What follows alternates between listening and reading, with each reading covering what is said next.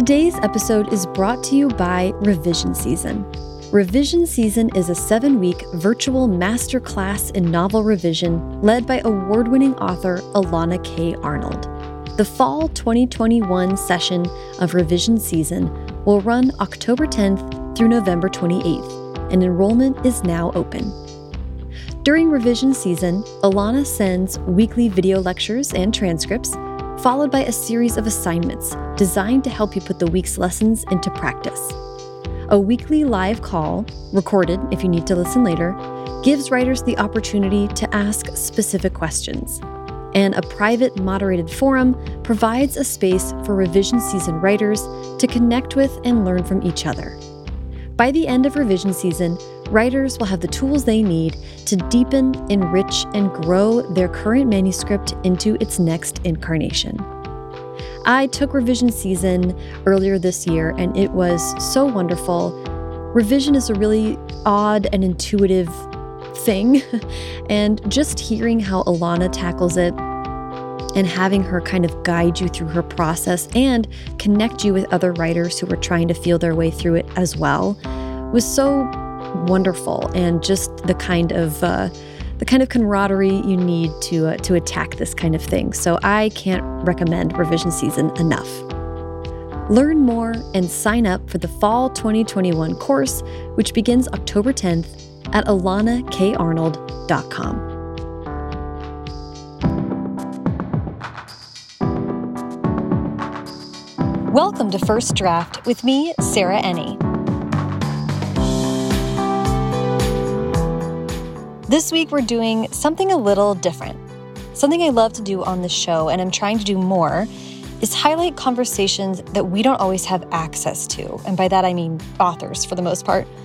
Today, First Draft is hosting a conversation between Elissa Sussman, author of the new YA contemporary novel Drawn That Way, and Arielle Jovellanos, the illustrator who worked on spot drawings inside the book.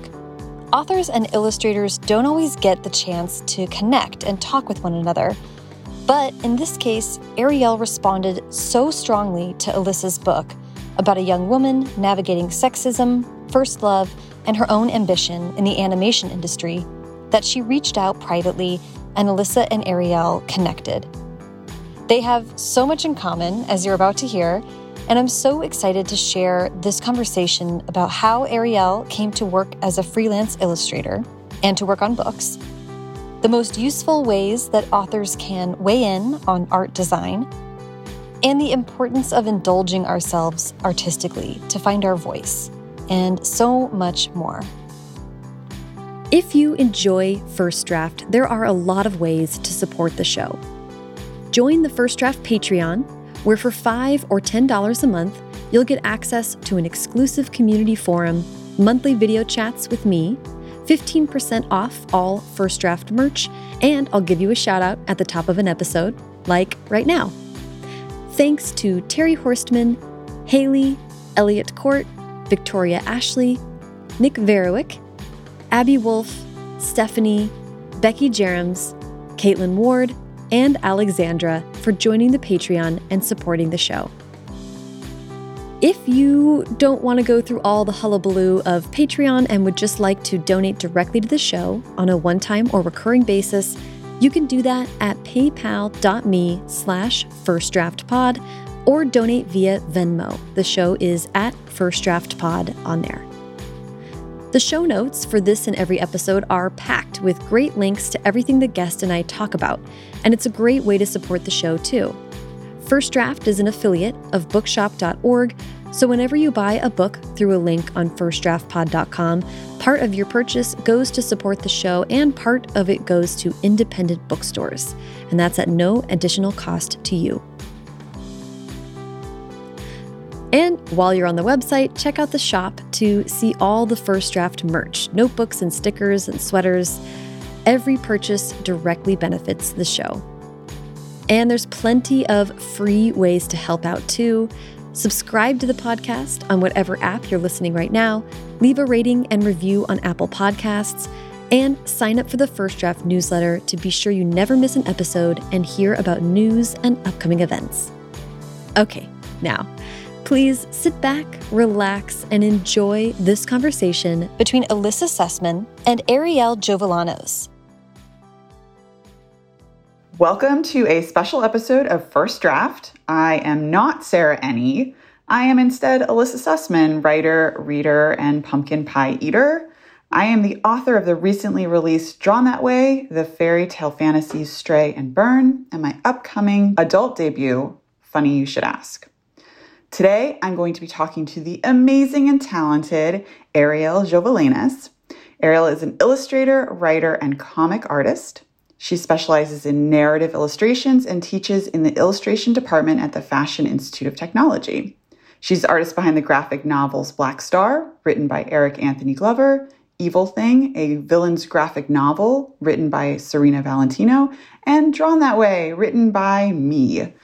I am Yay. so, so excited to talk to Arielle about her work and her experience uh, working as a freelance illustrator. So, welcome. Hooray! Yay! Thank you so much for having me, Elissa. Yeah. I'm very excited to be on this podcast with you. Yes, I'm so I'm so excited because we have communicated through email for months, but this is our first time like talking face to face, which is so thrilling.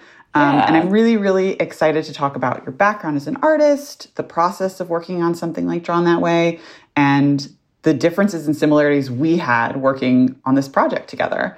But Sarah always starts her interviews asking her guests where they grew up um, and how stories and storytelling were a part of their lives. I grew up in in New York, um, in a suburb outside of New York. I am named after a Disney princess, so storytelling was yes, like yes, yay, yeah. Um, so storytelling was a huge thing in terms of I guess my my family always wanted us to. They were creating a collection of the Disney VHS tapes essentially. Awesome. So storytelling has always been a huge thing for me. I've always been into uh, animation starting from when I was a kid. I then really, really got into manga and I used to make comics with my sister. It was more like comic strips where we would take the plot of SpongeBob episodes but insert our own characters into it. But I almost feel like because we were we were almost essentially making master copies of SpongeBob episodes and in a weird way that was almost like I'm I, I don't know like a rudimentary intro to uh, learning story beats in a weird way because we were just sort of able to track what was happening in that episode and transfer it on paper. And then from there, I, I did go to art school and now I'm here.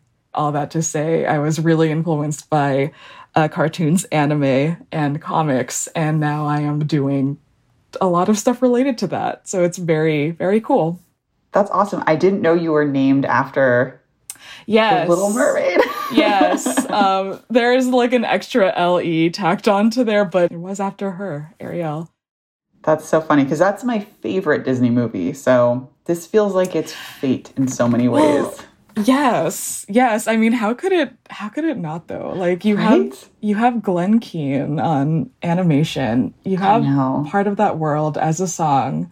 You have Alan Menken, Howard Ashman on that as well. It's so like how can you not? How can uh, yeah? Not? It's so good. It's so yeah. great.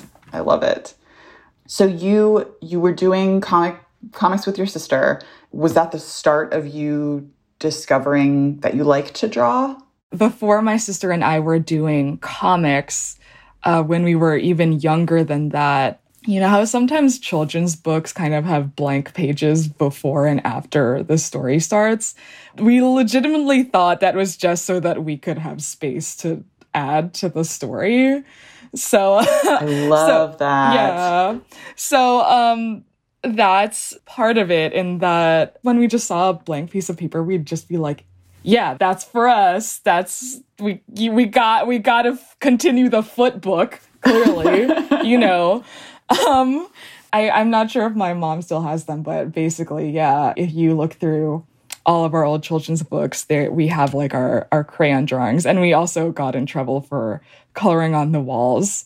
I'm not sure if it was necessarily me being like, yes, I love to draw, but it was at least partially like me doing an activity with my sister. And that was how I started learning to draw and kept drawing. And I think even now today, drawing for me is it's like a communication tool. Mm-hmm. Um, that's sort of how I think of it in terms of like writing is a communication tool, art is a visual storytelling tool. And um, I think I probably love storytelling as a medium more than I like art. It just so happens that art is a an amazing vehicle to tell stories, and that's the vehicle I chose. Yeah. Oh, that's so interesting.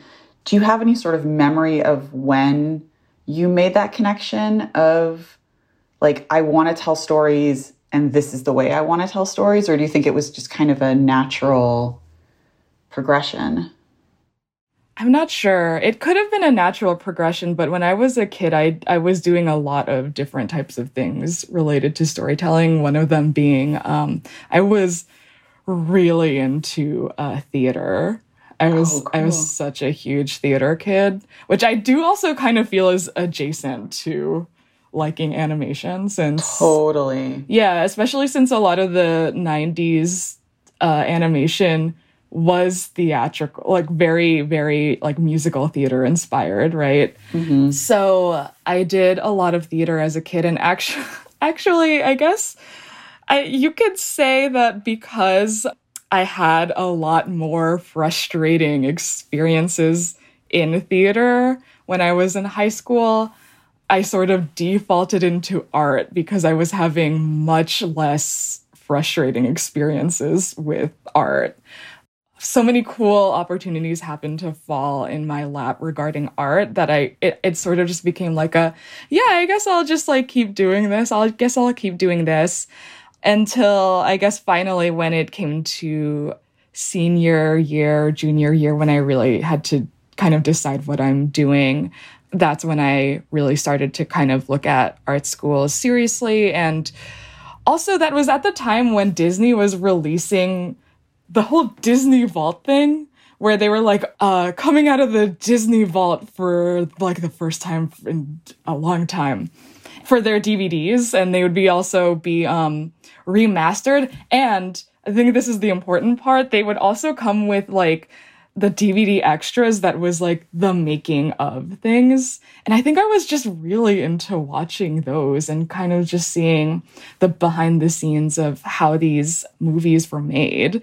And I think that was sort of when I was kind of making the connection that that is a thing I could learn to do.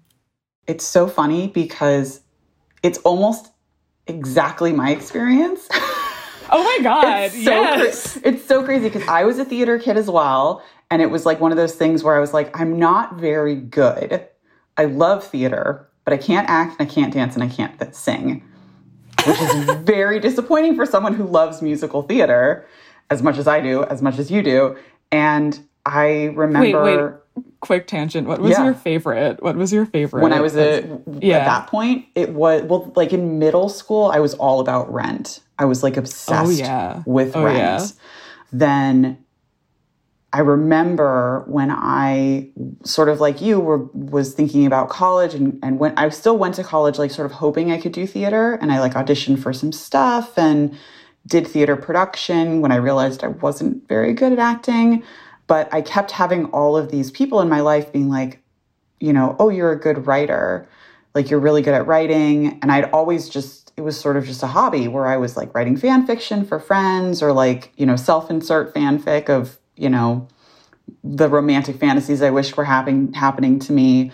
And that was just like for fun. And then like people were just like, oh yeah, no, you're really good at writing and like got into college sort of on the basis of writing and I think that's when I realized, oh, right, theater is not the right avenue for me, but writing, which is something that I've always loved and I've always loved reading and, and storytelling. I think it's like very, yeah, very similar, except you went to art and I went to, to writing. And when I was in college, like exactly the same thing that you're talking about, like finding those Disney DVDs and the special features. Like that's exactly how I learned how I could work in animation and not be an artist. Like it's so I, yeah, it's so crazy. And and then you did the Yeah. those um production stills of you and Princess and the Frog that that like blew my mind. Uh, that you that you had posted because Princess and the Frog that came out in like you you worked on it so you would did. know right 2009. That was 2009 Yeah. 2009 i think that was my first year in art school and i yes that was my first year in art school and i had just gotten really into collecting the the disney art books i had the princess and the frog book and i was like wow this is like oh, oh this is it this is it This is the best. This is the best. yes It is, like- absolutely It's such a good book too. I have Yeah. yeah. It's like I have that and I have the Tangled ones, but I was like, yeah, I was collecting those as well. I think I have like like the Mulan one is really beautiful and the Hunchback one, you know. Oh my god, Mulan and Hunchback are two of, uh, in- my opinion, two of like, oh, and Hercules too. There's so I many- love Hercules. Oh my god, we could talk about them all day, but I know. totally. Oh, It's like, oh, oh. Um, well, so you were, so you're talking. This is a good, this is a good transition because you were talking about animation and or studying illustration and art in art school. So how yes. Can you talk about how how you ended up in the school that you ended up, how you decided to focus on what you wanted to focus on that that journey? You know, I desperately wanted to go to one of the California art schools, but I didn't. And it was just because I think my family, they, they were just like, you were not going to live across the country. Just like, that was not, it was not it. I still kind of wish I did, but I'm looking back on how like my career uh, ended up. I'm like, yeah, it's fine. It's fine.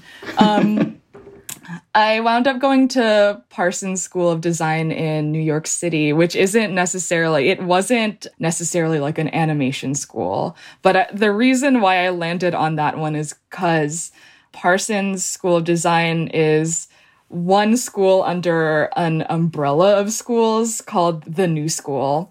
And in the New School, there's also a liberal arts school.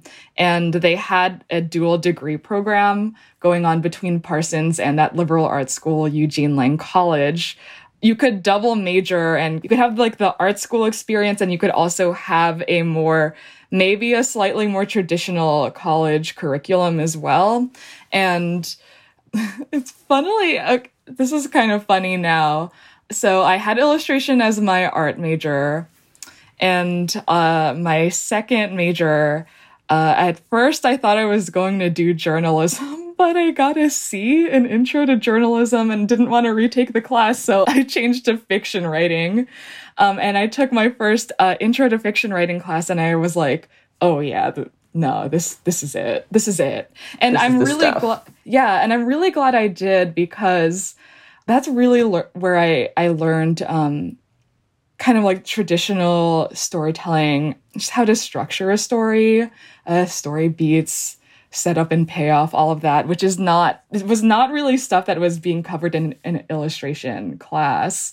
So the art school part of my education was really important, but I almost want to say that the fiction writing course was probably maybe more important in the sense that it gave me the structure for which now I understand what to use my art for um, Yeah. in in a sense. So you are graduating from art school. Yes. And then and then what's next?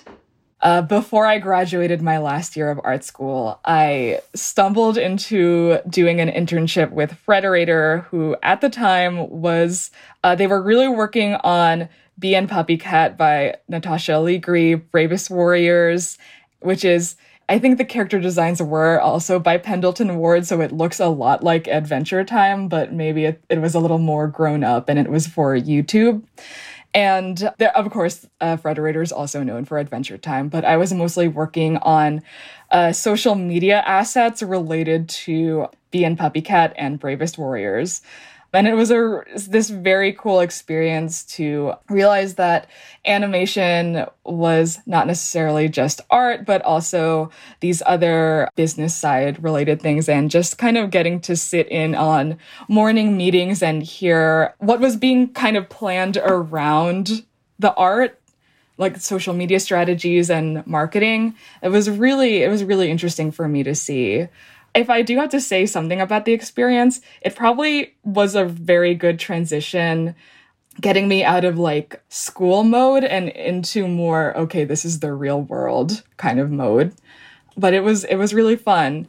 And then after that, I did a few other art adjacent things. Um, uh, I'm sure every art student who just graduates gets this feeling, but like kind of going through Craigslist and being like, okay, what's kind of arty that I can do? And then actually this is this is kind of a fun story. At the time it wasn't super fun. At the time it it was crushing. So something about my art school experience is that I was like this kid who is coming into this like really cool New York art school scene. Parsons is um I wouldn't say that it's like more serious, but I would say maybe like the tastes of Parsons and its teachers lean more towards like indie rather than like mainstream animation. Um, so I was this kid coming in being like, I'm named after a Disney character and I love, I want to work for Disney, right? In early art school, I'd have a lot of teachers being like, Arielle, uh, your work looks too Disney. And I think I get what they were trying to say now. I think really they were just trying to be like, Arielle, you should kind of try to find your own artistic voice uh, within your inspirations. And I'm pretty sure that's what they were wanting from me, even though they were wording it in a way that mm, maybe I wasn't quite getting.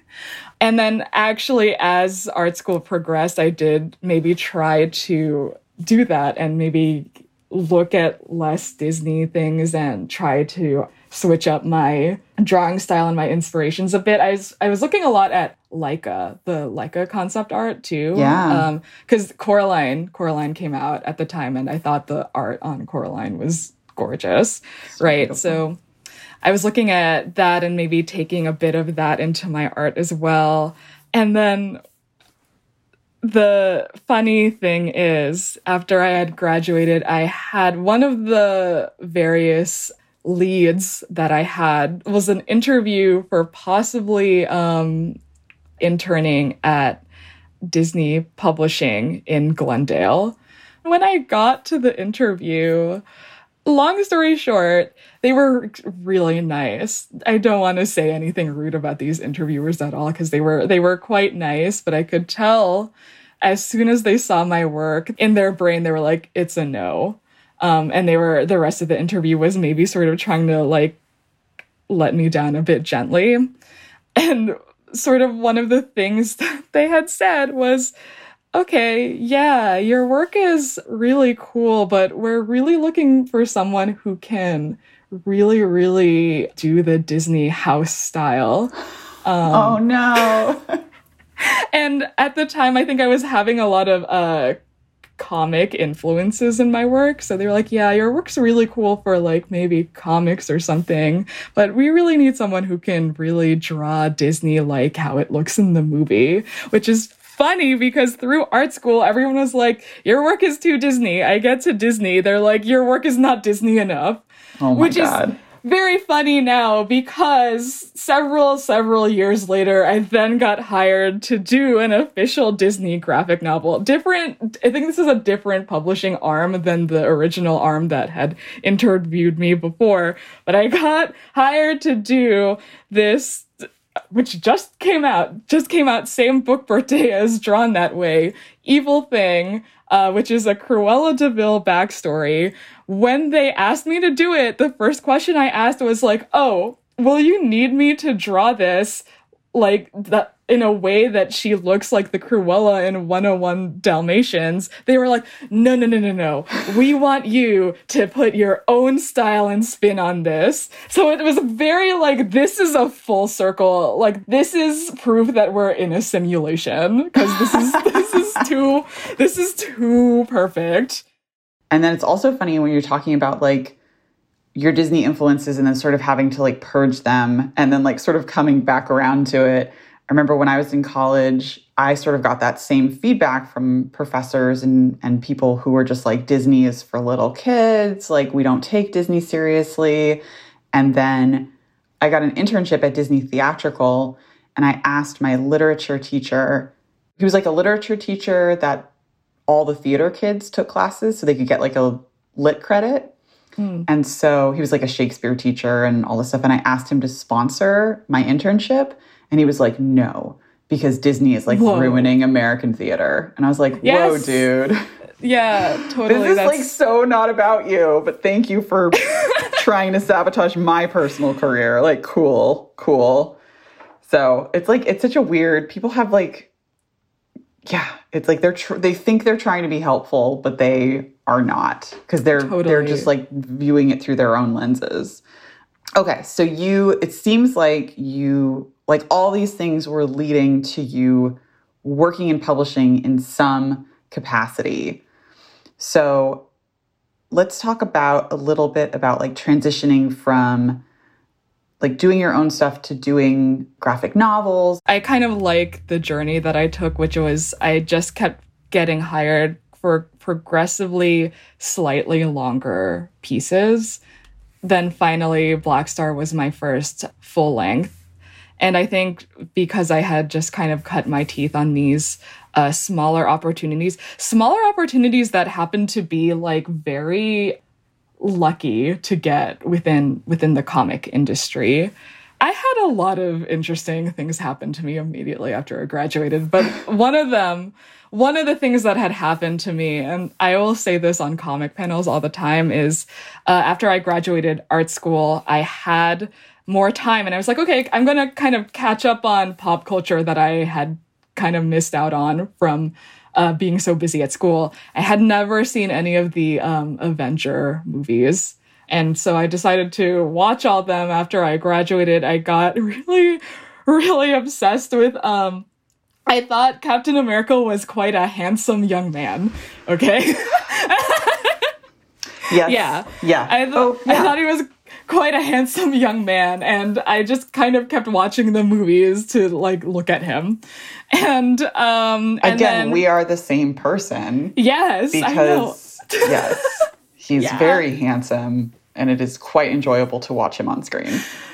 Absolutely. And then it also got me kind of reading the the comics or just getting me into superhero comics in general, but uh, not just because of Chris Evans, but also at the time when I graduated, I was seeing like these awesome artists who I felt like their their work and mine could like had similarities. So looking at Babs Tarr, who had just got a run on Batgirl, and Annie Wu, who got a run on on Hawkeye for Marvel, and I was seeing like these these women illustrators whose work was obviously like way better than mine, but I could see how in a few years my work was following in that in that similar tradition. And seeing their work um, in superhero comics and also really getting highly interested in superhero media it just kind of got my brain thinking like oh that could possibly be a thing that i could do after after graduating and uh, weirdly after that once i kind of made that decision to be like yeah let's try comics a few uh, opportunities related to comics fell into my lap. When I graduated, probably the most uh, major one, it was indie, but it was kind of a big deal within the comic industry. It was a former DC editor, Janelle Asselin.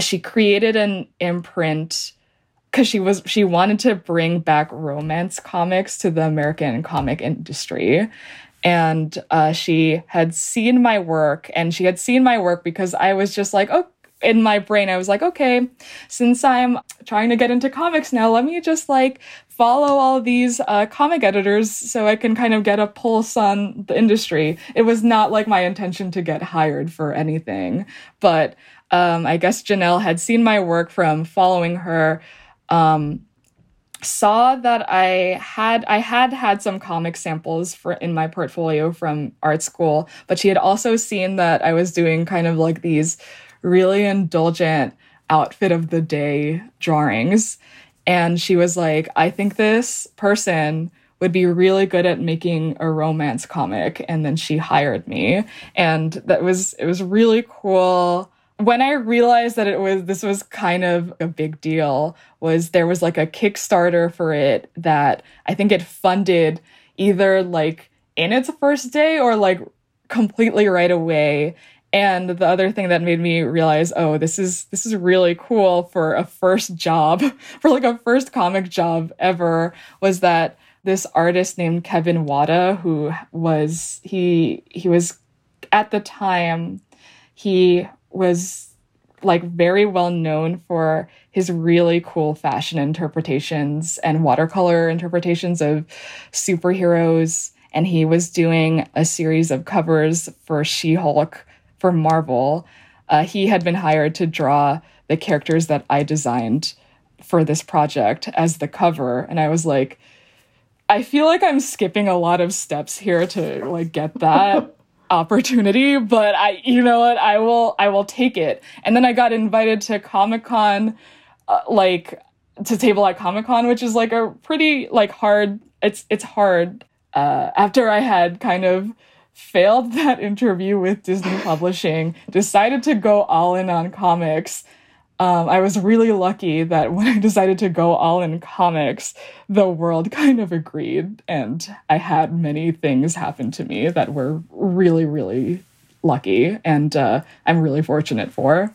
And the anthology series you're talking about is called Fresh Romance, right? And your yes, and your episode was um, School Spirit, I think. Yeah.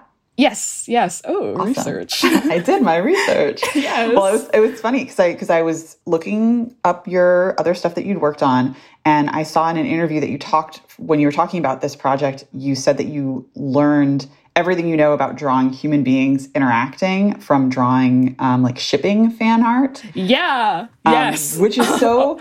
it's so funny because I think so many writers learn how to write by writing fanfic. Um, yes, which was weird because then, okay, bringing this back to drawn this way, when I got drawn this way and I had to do the interior illustrations, I was like, I have, like, just look at my Tumblr, I have done this before, you know. So you want like a really like cute guy and you want like this really cool girl and you want them to you want them to like interact and kind of have like tension. I got it. You're like I'm under yes. control. Under I've control. been training for this moment my whole life. Yes. I love it. Um, yes. You you talked about a little bit about like the Avengers and Marvel stuff. Are there is there any other like fandoms that you really like got you that you think helped you um, develop this skill? Yeah. Um, at the time in in college, uh, so Tumblr was the big social media thing. Not so For much sure. now it's still kicking, but at the nothing compared to like when I was in college. Um, yeah, in college. I had a lot of so I majored in fiction writing, so a lot of the right a lot of the books there uh, that we would have to read for required reading was um, you know great books of literary merit, a little dry. So for mm-hmm. fun, I would read a lot of YA books and also middle grade. So uh, a fandom friend had gotten me really into uh, the Percy Jackson and the Olympian series. And then the second series, Heroes of Olympus. And what I really loved about the Heroes of Olympus series is that the cast was so diverse. There were, there's like eight points of views in that. And I think I kind of considered it like a fun art challenge to figure out how to draw all of them. And they all look different and they all kind of captured their personalities. So that was sort of uh, like, it, it's kind of funny to say now, but it was almost like a second education that was happening after like my school assignments. Cause I feel like Parsons, I definitely learned a lot of skills, but I feel like the, a lot of the illustration assignments were really geared towards maybe like editorial things. And so after homework or even procrastinating for homework, I would I'd be like, yeah, I'm I'm going to draw this like cute shipping fan art and character design stuff of these uh, characters from YA books. Um, because soon after kind of Heroes of Olympus, I did kind of get a following where um, people on Tumblr would kind of recommend other books for me to read, and I would I would read them and then also kind of draw and experiment with them because I really something that I was really really glad to be able to stretch with uh, uh when I got to do Drawn this way is that I really love figuring out how a character looks based solely from description and not just description but like their vibe through the book. So I think drawn that way was maybe one of the first times that I've been able to do that since um, this wild fan art craze that I was experiencing during college. And I think that's why I really clicked with both the assignment and just like the material of the book in general. Besides the fact that your writing is also very descriptive, and I totally got what you were like laying down right away. you know what I mean? Yeah. When like I don't know if it's a spoiler, but when Bear first appears, I was like, okay, I see what they're saying. I know what you're I about. See. I, I see. get it. I, I got it.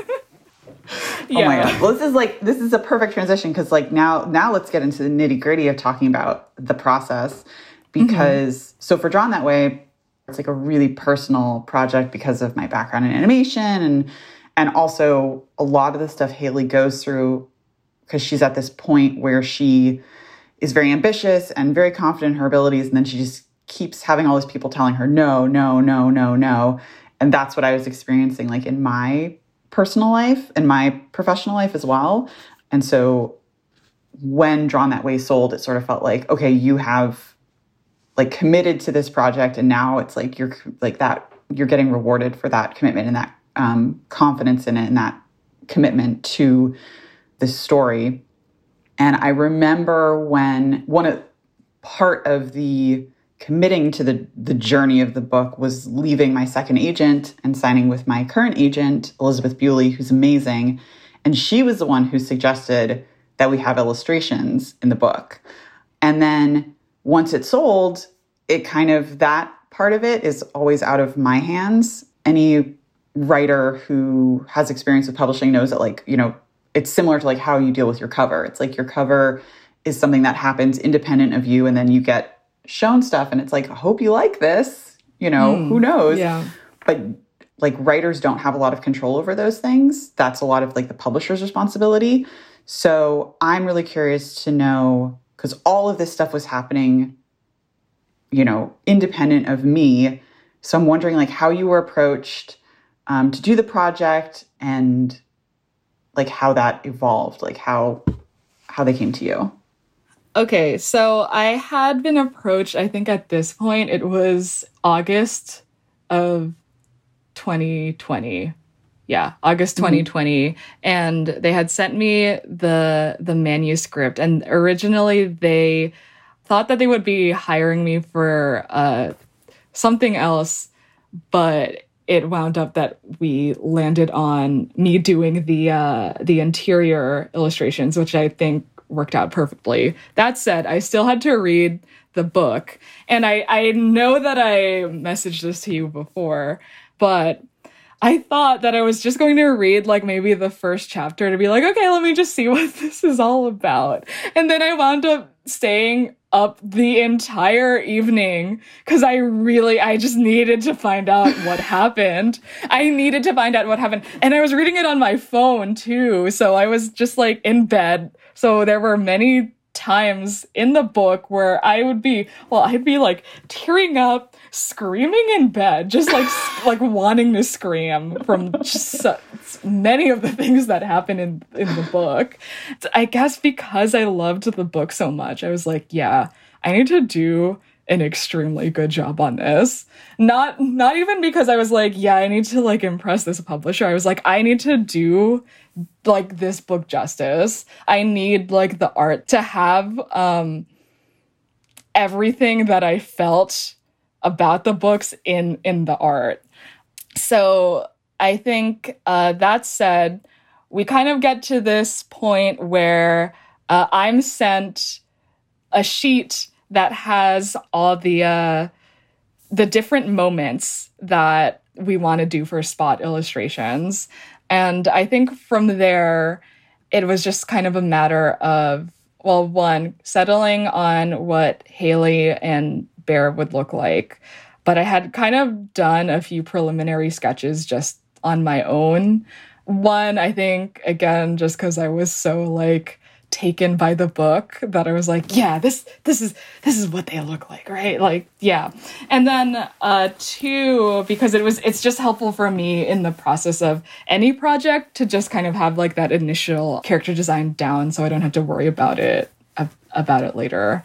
And then also somewhere along that process, I did slip slide into your DMs and I was like, hey, like we haven't been properly introduced. However, I just really need to tell you that this book is the book. Like it's it's so it is so meaningful and and heartfelt and cathartic and so many things in it and I'm, I was just so proud to be able to work on it.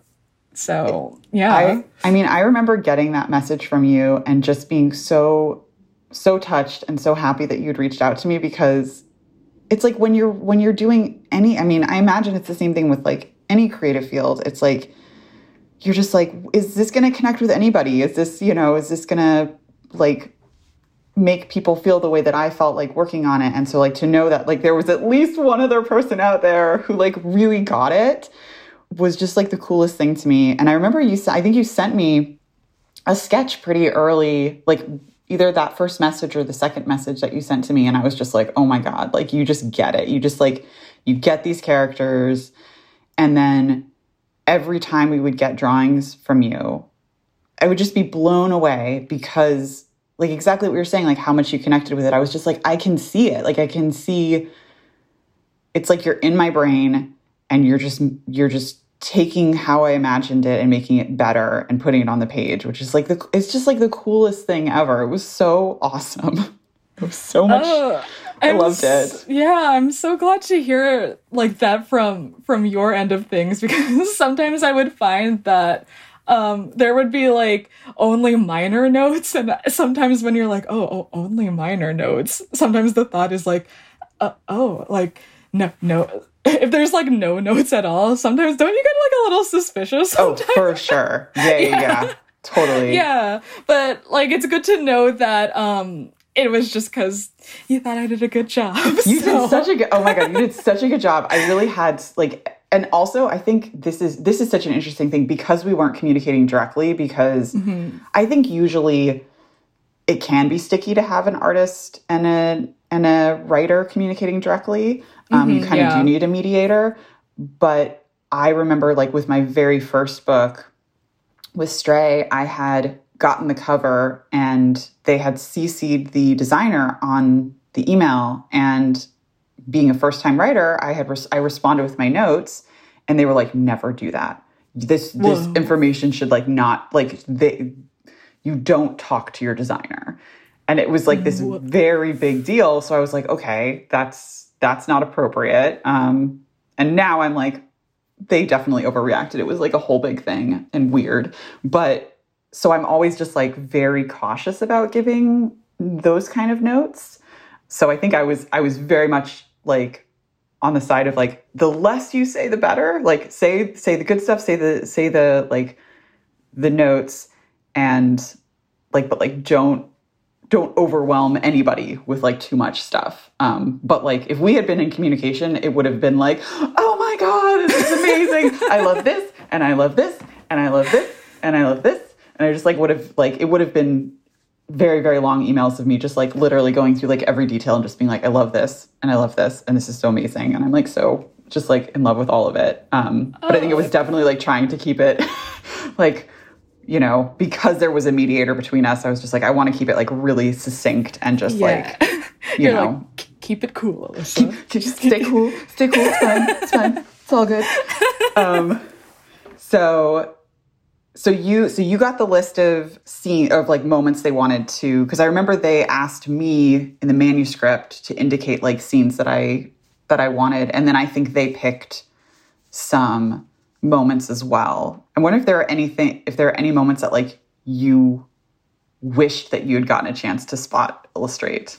Oh God, I feel Is like that even the right term? Spot illustrate. Yeah, actually, I was like, oh, the first time they kiss. Oh, I know. Yeah, yeah, the first time they We've kiss. discussed. Yeah. We've discussed that yeah, scene. I I think that that would have been part of it, and then two.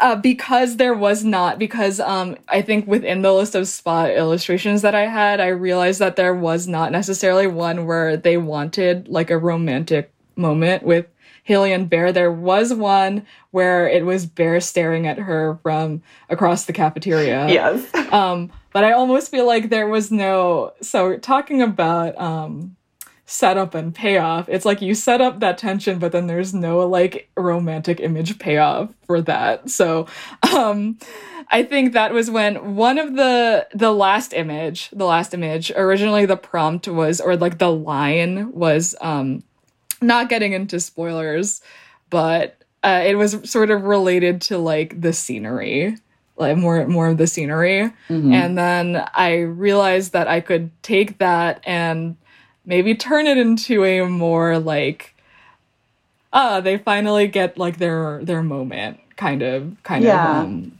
kind of spot so that that was sort of like uh my way of being like i re- i really like draw i think honestly i just like drawing those two together and Yeah. i think if if every spot was just drawing them together, together. that would been, like, that would have been great Well, I Um, love but- I love yeah. writing them together, so it's like it's like perfect.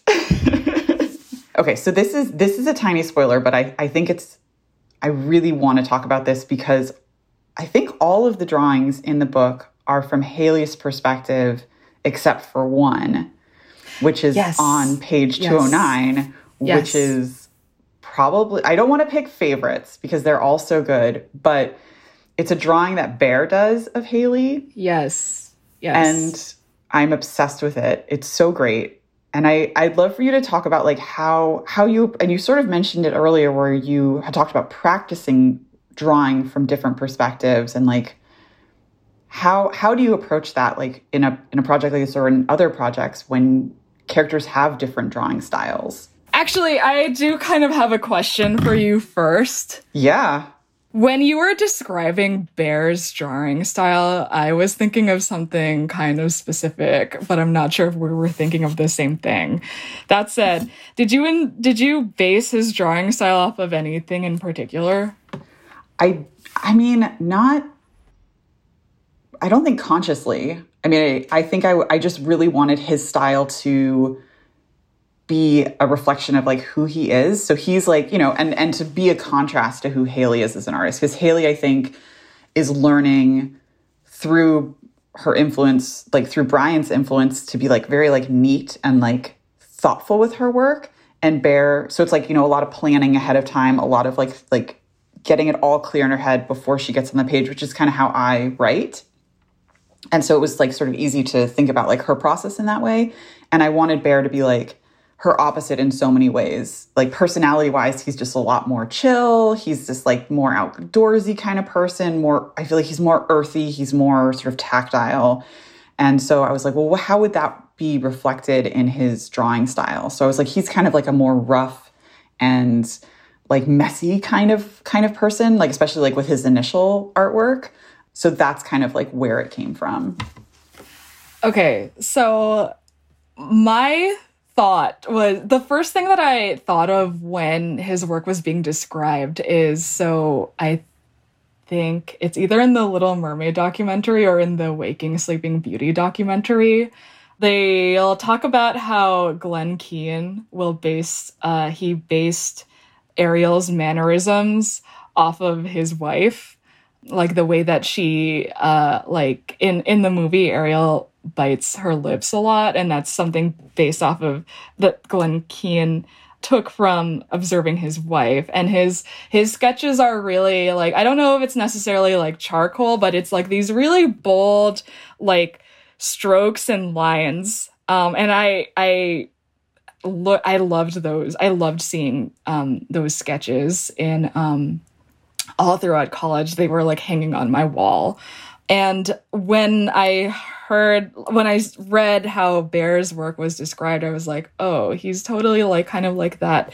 He's he's kind of taking like the motion, or he's really thinking about um, the organic motion of how things look more so than like writing maybe like necessarily writing things down before he before he does it and i feel like that was very like glen keane energy and so i tried to channel that into that into that illustration of haley yeah i mean um, it's funny because like i can totally picture the image you're talking about and i i think i did i mean i do mention in the book where she does think about that moment in Little Mermaid where like Ariel's like on the floor and like her hair is all around her. And so it yes. had to have been it had to have been in my brain in some way. Yes. Um totally. Yeah.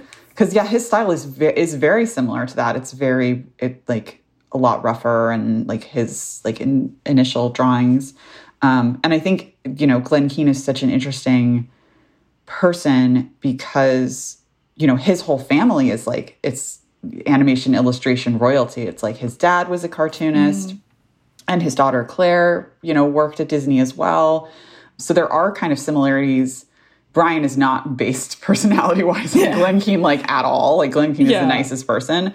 But I think it was there was something in there that I was thinking about as far as like what is it like to grow up in the shadow of someone who is so beloved and so well known and so that's really really great it's it's cool that you connected that thing that i was almost doing subconsciously um Wait, that's crazy because I could have if it, I really could have sworn when I was reading it I was like, "Oh yeah, she's she's really thinking of that." But I almost I kind of feel like I don't know, sometimes we really make our best decisions subconsciously, right? Yeah. Like our best sure. creative decisions subconsciously. But I'm I'm like you in that like I'll write everything down before I um before I I draw it or I plan I try to plan things out as much as possible before I draw it. Yes, can you talk like a little bit more about the process of like so you you get these sort of for the book you got the the spot illustration guidelines and then how did you approach like each drawing? I think it is because I was literate with text before I became literate with uh, image.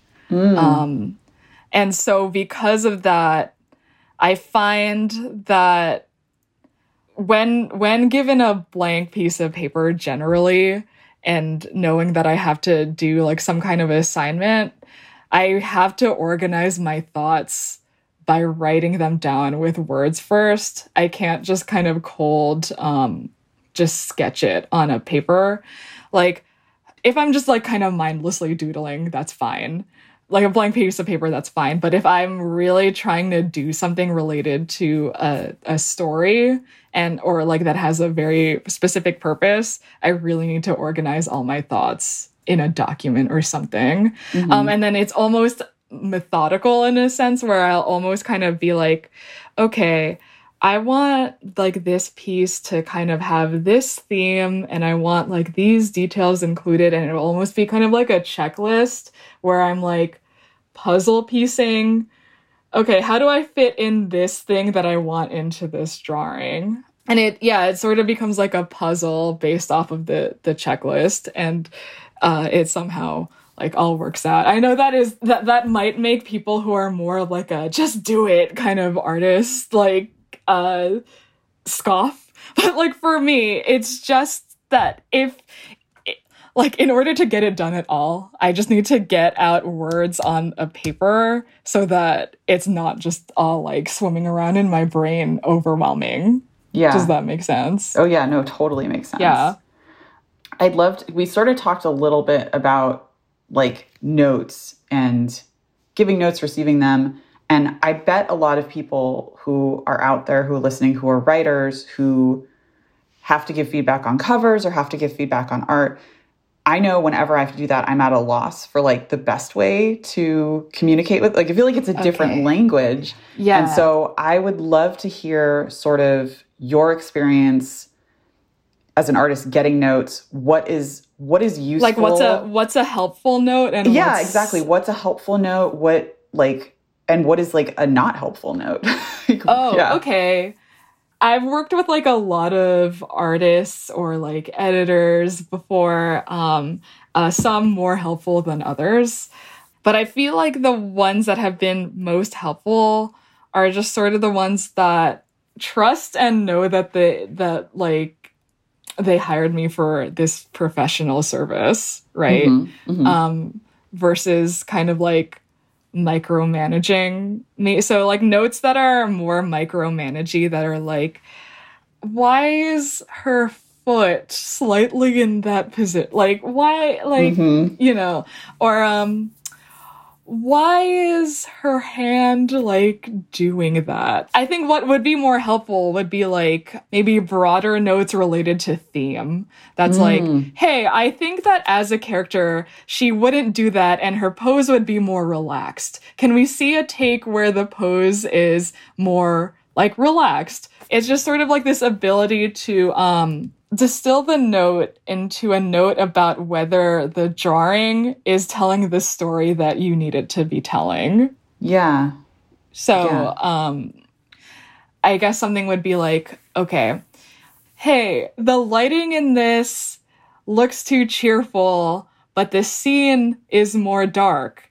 Can we kind of get more of a dark vibe going on in this drawing? Um, I think that that's a more helpful note. Yeah. So like coming from more of like a creative like vibe versus like a prescriptive like checklist Yeah, of, of yes. little changes. Yeah, I mean, sometimes like I think actually, so maybe like first round of notes, it's more like is this illustration doing what it's supposed to be doing in terms of storytelling? So like more of those broader notes. I think once it gets to like maybe it's it's pretty much perfect, but just like fix this tiny thing, that's fine. Right, it- yeah, yeah. You you know what I mean? Because Yeah, I think yeah. what happens if it's approached instead of if the whole crit- like every round of critique is just approached uh, with these like tiny notes, I think what happens is that you fix like the the tiny note, but you don't diagnose maybe what the whole issue with the drawing is overall, and then so maybe each time you get like uh, a round of tiny notes, it's the author or editor kind of trying to like fix a problem that is much larger and or kind of like a place of band-aid like maybe thinking like oh maybe this tiny thing will fix it or this and this and then they'll find that it that's not always the case. And what really needs to happen is maybe just like from the beginning a larger like reconception Yeah. does that, That- make sense That totally makes sense. That's like really helpful. I, I mean, I think it's helpful for me, and I imagine people who are listening would find that really helpful. I'd love to talk a little bit about the difference because you know, for for drawn that way, it was I think twelve drawings, um, black and white, and then for graphic novel, it's so much Like more work. the whole thing it's the whole thing, Yeah. and and are you you're doing color for them as well? Um, for Black Star, I did color. For uh, Evil Thing, I did not. Which uh, I um my friend uh, Janet Sung, who met we met in college, and I got her to work with me on this. Uh, she did color, but yeah, I always talk about comics as if they're the Olympics of drawing, and it's it's true. Yeah. it's totally true.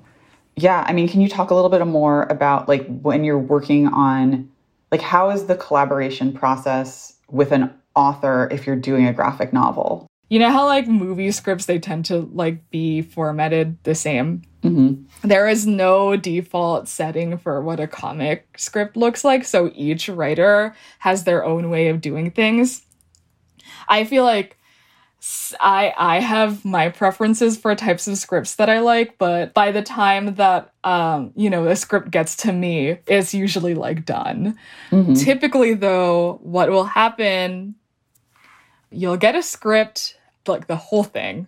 What tends to be on that script is the writer will be like, panel one, and then a description of what happens in panel one. Uh, sometimes the dialogue, if there's dialogue, and then like panel two, and then they'll kind of like do that. And um, for each panel that's supposed to be on the page.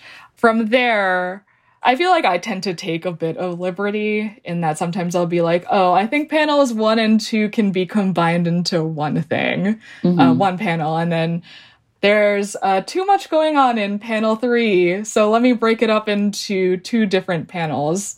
For anyone out there who wants to write a comic, just make sure that only one beat, like one story beat is happening in a panel because you, you can't have like 5 million things happening in one panel. Otherwise, you're going to, you're going to like lose like the purpose of what that panel's for, right? Yeah.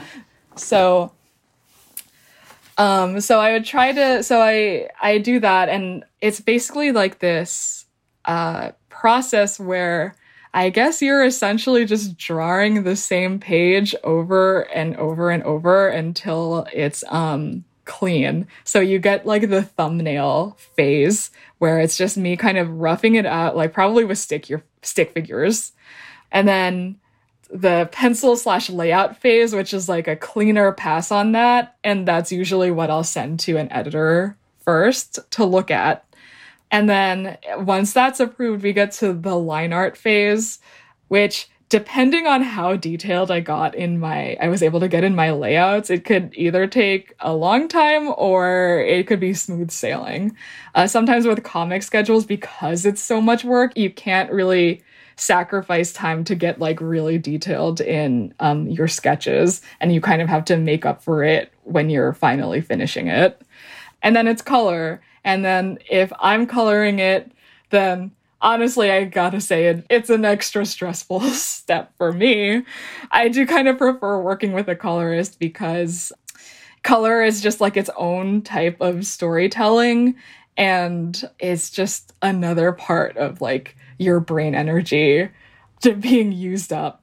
And so I do like where I can, I do like to outsource parts of of the job because I it's just so much work. And then the American comic book industry too doesn't emphasize like the use of teams, art teams and assistants in the same way that like um the manga industry would where there's Mhm. like entire teams to get 50 pages out a week, which is like a crazy rate. But yeah, yeah. Probably in the future, in in future comics, I would um consider uh, hiring more assistants to help me out because it, it is kind of a lot of work. And if you're not careful, you can hurt yourself uh, hitting a deadline. Yeah. Uh, so you got to make sure to stretch and uh, yeah, stretch, um, give yourself breaks. Yeah. that. For sure. Um, This is a this is a great great segue because I want to know what you're working on now. What's what's next in the in the pipeline? Oh my gosh, I'm working on something that I can't talk about yet, but it is super cool. And when it gets announced, I'm gonna be. it's- I'm really excited about it.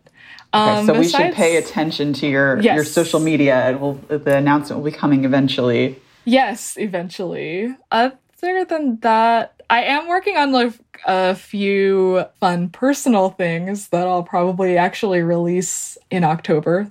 Awesome. Um, Yeah, so we'll see about that too. But uh, I am working on an upcoming thing, and I'm really looking forward for that. So yay! Awesome. Um, okay, so Sarah usually ends with advice.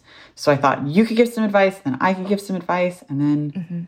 We'll put this episode to rest. But uh, right. yeah, do you have any any advice for aspiring creatives out there? Oh, oh, okay. Honestly, my advice, and I, I feel like every time I get asked for what my advice is, I'll word it like this. It's very crass, but it's really true. In light of me kind of accidentally stumbling and getting into comics because I thought Captain America was a very handsome young gentleman, I would say follow your thirst. Yeah. Just follow your I love that. Follow your thirst. Oh my like god. Like literally I don't know, like you know. Uh That's because- uh, brilliant. Oh yeah, Oh my 'cause it's- god. It's true because it's like your instinct and sometimes like your like your your instincts for what is just fun and what you're just drawn to will lead you somewhere.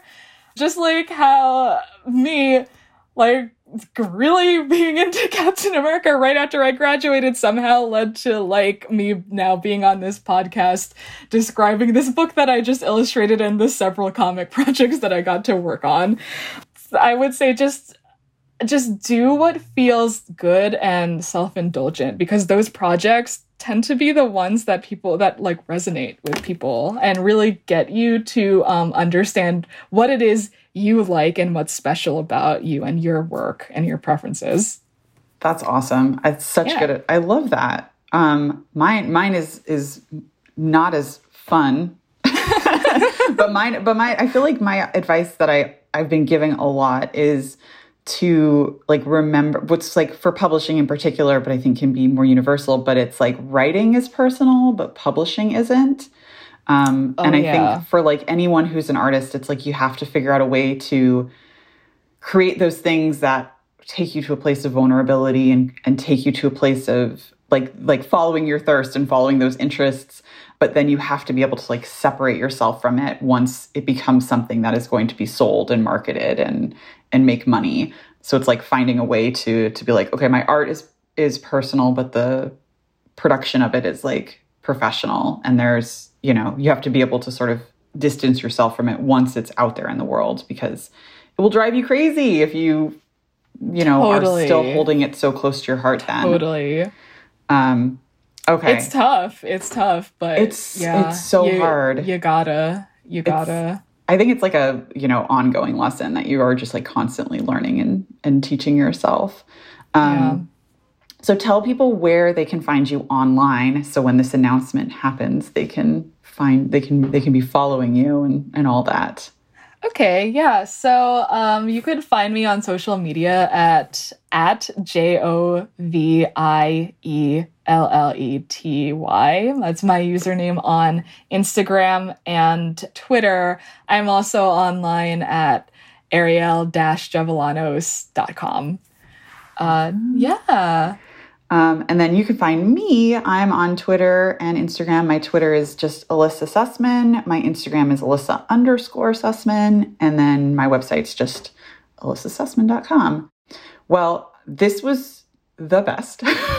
Yeah, this was so fun. This was so fun, Elissa. Once this I panini is done, we gotta hang out in Oh my. God. I'm so Like, looking totally. forward to it. Yeah.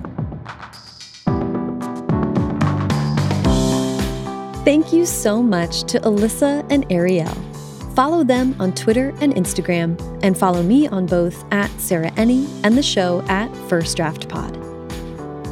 First Draft is produced by me, Sarah Enni.